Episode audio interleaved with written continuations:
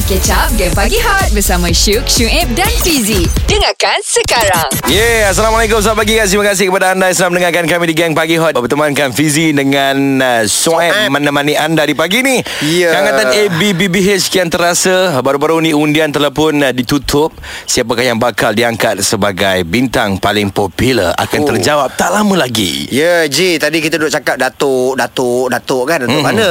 Ah. Dia aku semalam tengok Instagram Kiria Okey Aku cakap Kau hajar ni Geram pula aku tengok Pukul-pukul budak ni Aha. ha, Geram aku Okey. ha, Tapi ni ada kat talian Aku tahu Tapi itu berlakon lah ha. Ah, seperti mana yang dijanjikan kita bersama dengan seorang datuk yang popular. Ya Ya, kita bersama dengan Datuk Fiz Fairuz. Assalamualaikum.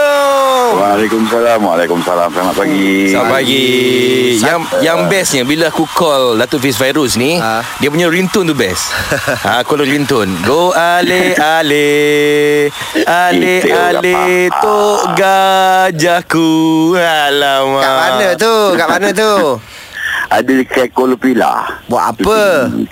Cuti. Ah, satu pasal Datuk Fiz Fairuz ni. Aku suka dia punya tone suara dia. Mhm. Ah. eh ni ni. Boleh lah. Kita nak tanya ni ABPBH awak tercalon tahu kan? Ah, untuk gandingan Gandingan serasi drama popular.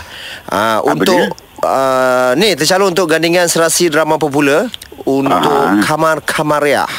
Alhamdulillah. Awak ni kalau berlakon Kita tak payah sangkal lagi lah. Mm-mm. Jadi jahat. Bagus jadi baik. Bagus. Kelakor pun boleh. Ha. Oi dahsyat lah. Komen sikit lah Pasal pencalonan ni.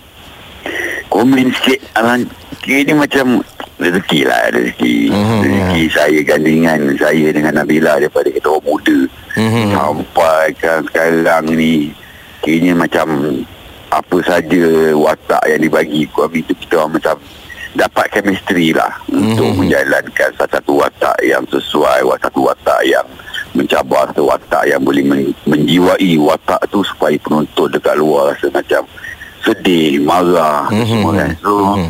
Bila dah dapat pencalonan ni Kita macam Rezeki lah Rezeki. Ah. ah, Rezeki lah Kalau menang tu bonus lah Eh Eh. Takkan tak menang Ha.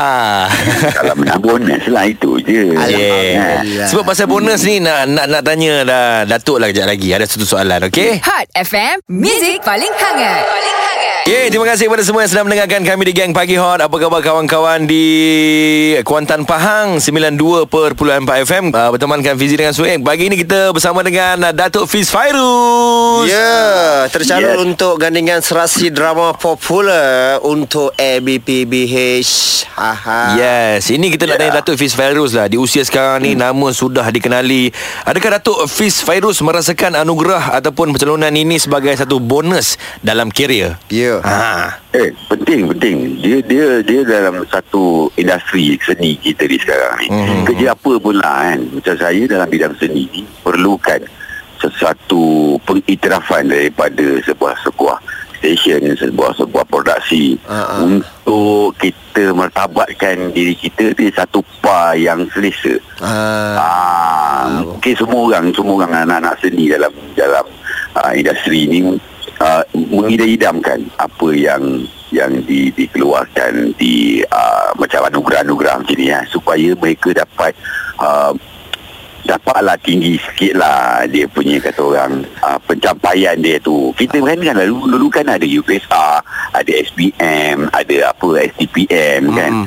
mesti kita nak dapatkan satu keputusan yang cemerlang macam ah. juga ada cap- macam kita dalam bidang seni ni kita nak mendapatkan kita berlakon kita berlakon kita berlakon kita nak satu pencapaian yang adalah kita dapat award ni kita menang ini kita dapat award ini ah kini dapat macam oh kini aku kena kuat lagi lah kerja Ah. Benda-benda benda sini bukanlah kita cakap okey aku dapat benda ni aku kena jadi diva Ha, kadang-kadang orang orang salah. Kadang-kadang orang Hmm. benda-benda macam tu orang fikir salah tu. Dapat benda ni diva, dapat benda ni, dapat anugerah ni nanti apa mahal ke apa Hmm. ke kan. Ah, tak, ini adalah pencapaian kita. Apa yang kita buat, Ya. titik peluh kita daripada Betul. awal dulu sampai sekarang dihargai inilah hasil dia ini adalah satu penghargaan bagi uh, bagi seseorang anak seni tu Oh, ah. okey kejap eh. Saya tadi saya ada terdengar tadi cakap apa kalau maksudnya kalau menang anugerah ni tak semestinya masa lepas tu payment mahal. Jadi kalau macam awak ada tu payment masih Hmm. sama ataupun up sikit? ah, tak perlu PNTP ke Kau ni aduh tak, eh, tapi naik pangkat mestilah kena bayar lebih sikit bang Ah. betul tak? Alah, kalau orang kerja bank dia bisa naik daripada keran accountant nak pergi naik pergi ke Ah. uh. manager bisa naik sikit-sikit. Ah, lama-lama jadi bukit. sikit. ah, boleh lah kalau nak menampung tu. ah. Baiklah kejap lagi kita kita nak tanya uh, Datuk Fiz Fairuz lah pandangan dan juga komen tentang pelakon-pelakon baru Ah. yang ada di industri lakonan tanah air sekarang ni. Awesome ke pagi korang kalau tak layan game pagi hot? Takkan. So, dengarlah Syuk Syuib dan Fizi. Pagi ni Syuk uh, tak ada Suhaib hmm. dengan Fizi je menemani anda Kita gantikan Syuk dengan Datuk Fiz Fairuz Ya.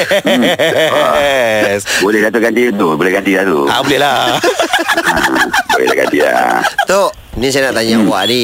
Yelah uh, Awak pelakon otai. Lepas tu kalau Dalam barisan pelakon tu Memang antara orang cakap Oh disegani lah kan?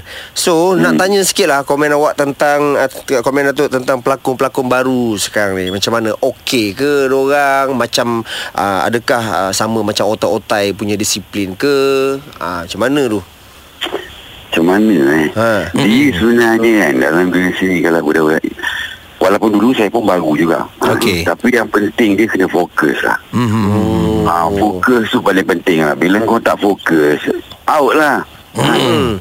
Ah, bila kau tak fokus dengan apa yang kau buat eh, dan tak tahu hala tuju dalam bidang seni ni. Kalau dalam, dalam bidang seni lah. Eh. Hmm. Ah, dalam nyanyian, dalam nyanyian lah. Hmm. Dalam komposer, komposer lah. Mengarah-mengarah lah kan. Tapi kena fokus lah. Benda ni kena fokus kan. Hmm. Jangan, jangan, jangan buat keluar satu satu drama dekat TV je kau dah tunjuk kau bagi diva. Hmm. Payah lah. Ah, ah. Itu yang payah tu Sekarang ni orang tu nak Macam saya, saya ambil pendekatan syuting lah Bila Hmm. syuting dia Yalah artis baru kan Ada manager Ada PA Ada driver kan Hmm. Pantang Pantang datang sampai Nak syuting duduk dalam kereta Oh. nak, nak syuting baru panggil kan Keluar Kita tak ada rasa Lepas tu tak ada Tak ada serasian dekat set tu Macam mana nak hidupkan Sesebuah watak tu kan Betul Hmm. Ah, kita kena keluar jumpa dengan Handy, jumpa Ah, ah. dengan kameraman, Mingle, mingle, mingle.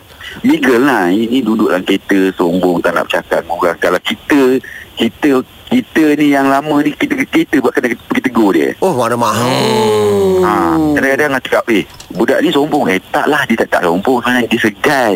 Tak boleh. Eh, eh, Mentality segan ke Sombong ke Lupa lirik ke Lupa lagu ke Lupa dialog ke. Hmm. Benda tu kalau mentality dalam kepala kita Memang akan lekat Sampai bila-bila Ah. Walaupun kita dalam set shooting ke apa kan Sebab mentality budak-budak baru ni Dia akan selalu fikir macam tu Saya segan lah Saya takut lah Nak kawan-kawan ni Saya takut lah Yelah nak tegur Nak tegur Datuk Fiz Fairuz kot Oh Ah, dia dia dia dalam dunia ni bila kita tak humble, bila kita, Okey. kita tak kita tak bertegur siapa. Mhm. Mm-hmm. Sampai bila-bila pun benda tu akan lekat dalam kepala kita macam Oh saya takut nak tegur orang ni Saya takut nak tegur orang ni Tapi Mhm. mm-hmm. bila perangai kau duduk macam tu Mhm. Susah untuk menerima teguran Dan juga pendapat daripada Abang-abang, kakak-kakak kat atas ni Mhm. mm-hmm. Korang ni adalah pelapis-pelapis kami nanti ni Betul. Nak naik, Hmm. naik, naik, naik, ganti-ganti Hmm. Tapi bila jadi macam ni Korang memikirkan diri sendiri Buat Hmm. kepala sendiri Jadi diva pula tu Walaupun satu drama Itu pun lalu kat belakang je kan? Lu kat belakang je pun eh Lalu kat belakang je Tapi duduk dalam kereta je Syuting cerita apa ni Oh dulu pernah pergi syuting Pernah cerita cerita apa Ada cerita tu Tapi lalu belakang je Oh tapi duduk dalam kereta kan? Ha, itu benda benda macam tu jadi. Eh, ha, ni gelap bagi sangat nanti ada yang terasa ramai. Hot FM, Music paling hangat. Paling hangat. Terima kasih kepada anda yang sedang mendengarkan Hot FM di Melaka 104.3 FM. Pagi ini kita bersama dengan uh, Datuk Fiz Fairuz. Ya, yang uh, tercalon untuk ABPBH ni uh, gandingan serasi drama popular Aku untuk ni ni ni interview aku yang lama ni. Eh Aku dia macam uh, ni tengah interview bintang paling popular. Oh, eh, come on lah. Mana tahu. Kita kalau Ah, kita rezeki, call-call kan? ni Bukan Paling lama ni, paling lama. Paling lama eh Hmm, Lima segmen Selalu datang Hot FM Kalau nak promosi apa-apa pun Satu segmen dua segmen je Tak ada orang balik Maksudnya Lima segmen ni Awak kena standby lah Dekat ABPBH Ah, mana tahu boleh angkat. Boleh angkat. Amin Yeah. Okay Tok Tok Tok Ni saya nak tanya ni Hmm. Sebab dulu awak pernah keluarkan Satu statement Cakap Eh tak perlulah Sadar-sadar ni Jadi hero Hmm. Kan Macam gini pun okey apa Tapi saya pun sebenarnya setuju Dengan awak punya statement tu Hmm. uh, Ulas sikit Hmm, hmm. hmm. Saya Okey um, Ada cerita yang kita boleh buat sadar Ada Hmm. kita yang kita tak buat sadar Macam saya Saya banyak more tu Macam uh, Kemanusiaan punya drama lah Ah, Macam filem-filem pun tak ada filem yang saya diangkat menjadi seorang uh, anggota ke uh, ataupun cerita yang yang kuat untuk diangkat untuk kita tampilkan kita punya body posture tu kan. ah, ah. Ah, benda tu tak ada. Saya rasa macam tak perlu kot. Saya kepada saya lah. Saya rasa kepada saya lah. Saya tak perlu. Tapi kalau dia macam ni lah Saya terlalu banyak Dalam Malaysia ni Kita terlalu banyak Buat cerita-cerita kemanusiaan Hmm, betul, betul. Dan kehidupan Takkanlah orang kampung Kerja sawah Tapi badan kita ketul Six-pack Shoulder bulat Shoulder bulat ha. Betul, betul, betul, betul. Aduh. Faham macam tak, macam tak kena pakai baju Oh no Sado gitu Hmm. Tiba-tiba cakap dengan mak Mak Saya nak pergi ke sawah Kan ke sawah Betul juga kan? Saya macam benda-benda macam uh. Kita Ah. kena ikut uh, Ada benda yang kita boleh buat Ada Ah. benda kita Kalau kita macam Kita memanglah kata cakap Kita kena pandang jauh Kita tengok Hollywood Kita tengok orang tu Yes Mhm. Kita kena tengok Tapi kita kena tengok juga Bajet kita Kita Ah, ah, faham. Cerita dia orang satu cerita berpuluh-puluh juta Kita puluh ringgit je Ah, Kita kena tengok peraliran tu Mungkin eh, ada, Yang ada lah A few few pelakon Hmm. Yang macam macam Aku patut kena buat Sebab filem ni Aku hero Yes Itu aku setuju Mhm. Aku pun ada juga Buat cerita-cerita perang ha? Ah. Contoh Contoh aku buat filem maritim Ah, Okey ha, Coast Guard Semua aku buat kan Mhm. Memang aku jadi tentera Aku jadi aku jadi anggota dalam tu. Tapi tak banyak Scene flashback. Perlu ke aku nak buat ketul-ketul? Ah, faham lah. Ke ke macam ni tu? Macam contoh ha Okey badan tak sadar tak apa Muka sadar Maksudnya Muka betul-betul Huh, dia lebih pada sedar tu, sedar, dia, sedar. dia macam ni lah Bila kalau badan tu sadar Betul-betul ada, Apa ber, bersih spek pun Boleh pakai baju sebenarnya Sebenarnya tu kan benda kan? Ah, ah. Tapi kalau Reaction pada muka Ataupun uh, Lakonan pada Lakonan tu lah penting lah Kalau Ah. badan tak badan sadar Lakonan pun out No point jugalah Kepada kau sadar Betul Ah, dengar tu, Em. ah, Ah. Tapi Datuk Fifairul punya lakonan Aku cakap kau Filem apa Drama apa Semua menjadi Memang lah. Kejap lagi kita nak uh, Ada juga kekurangan dia Ah, nak kan? tanya Datuk Fiz Fairul sebab dia pernah meramalkan Kak Lina Pom Pom boleh Oh. menang. Mana tahu menjadi Cerita dia tu. punya ramalan. Awesome ke pagi korang kalau tak layan game pagi hot? Takkan. So, dengarlah Syuk Syuib dan Fizik. Pagi ni kita bersama dengan Datuk Fiz Fairuz yang juga tercalon uh, untuk uh, gandingan serasi drama popular ABPBH. Okey, Datuk uh, Datuk Fiz Fairuz baru ni ada buat prediction. Dia cakap Kalina Ha. Pom Pom boleh menang Ha. anugerah bintang paling popular. Ya Kenapa dan mengapa Kalina Pom Pom? Ha. Kenapa dan mengapa eh hmm. Sebagai mata anak seni Dia melihat daripada uh, Pergerakan dan cara peningkatan Seseorang artis tu Okey. uh, Mungkin daripada ABBBH ni Dia akan meng- meng- mengira daripada undian Daripada peminat Ya Ah, Kadang-kadang kadang-kadang kita kita ni macam kita sebagai penonton di rumah hmm. ada masa dia dia akan keluar macam okey pemenang ni adalah AI Mhm. Sampai saya saya pernah jadi penonton di rumah dan okay. melihat macam kenapa dia boleh menang padahal hmm. dia tak popular pun. Ah. Apa yang dia buat? Ah. Apa apa yang apa penghargaan dia yang tinggi sampai dia diangkat sebagai Ah. bintang paling popular? Apa Hmm. achievement Ah, dia Benda tu tak menjadi sebab dia datangnya daripada voting. Hmm. Ah voting itu mengangkat tapi kalau dapat voting dan juga ah penjurian daripada stesen tu disama levelkan. Ah, akhirnya dia orang pun ada kuasa, ni pun ada kuasa untuk kita mengangkat layak ataupun tidak dini sebagai bintang paling popular. Ah. Saya meletakkan Kak Lina Pompom sebagai bintang paling popular. Ini pendapat saya lah kan. Sebab dia pada tahun lepas sampai ke tahun ni dia sangat-sangat konsisten. Mhm. Setiap apa yang dia buat menjadi ikutan. Betul, Ah. betul, betul, betul, betul. Ah, benda tu yang dinaikkan. Saya rasa Kak Lina punya pom-pom ni sampai ke Indonesia orang tahu dia punya tu. Ah, betul betul saya betul betul. follow lah kan. Ah, Mhm. Kita tak kita bukanlah semata-mata kita kita cakap je walaupun oh saya tahu kan Kak Lina ni kawan saya. Ah. Tak ni kawan apa aku boleh up sama siapa ya tak. Mhm. Kita kita nak bercerita, kita nak blast, kita nak bagi tahu kepada seseorang kita kena buat research dulu. Betul. Jangan pakai entam je. Kan? Hmm. Ha, kenapa? Nanti orang akan tanya kenapa kau pilih Kak Lina cakap. Tapi aku aku cakap sebab aku dah buat research dan aku tahu kriteria seorang tu macam mana. Ah. Perjalanan seorang anak seni tu macam mana. Pernah dulu an- anugerah bintang popular daripada artis ni, artis ni, artis ni, artis ni. Artis ni, artis ni memang dia layak. Mhm. Dan artis ni dengan artis ni dia tak dia tak layak pun. Kenapa Ah. dia boleh angkat tu? Ah, itu Ah. benda-benda itu kita tak benar rungkaikan lah sebab benda ni uh, private and confidential. Yeah.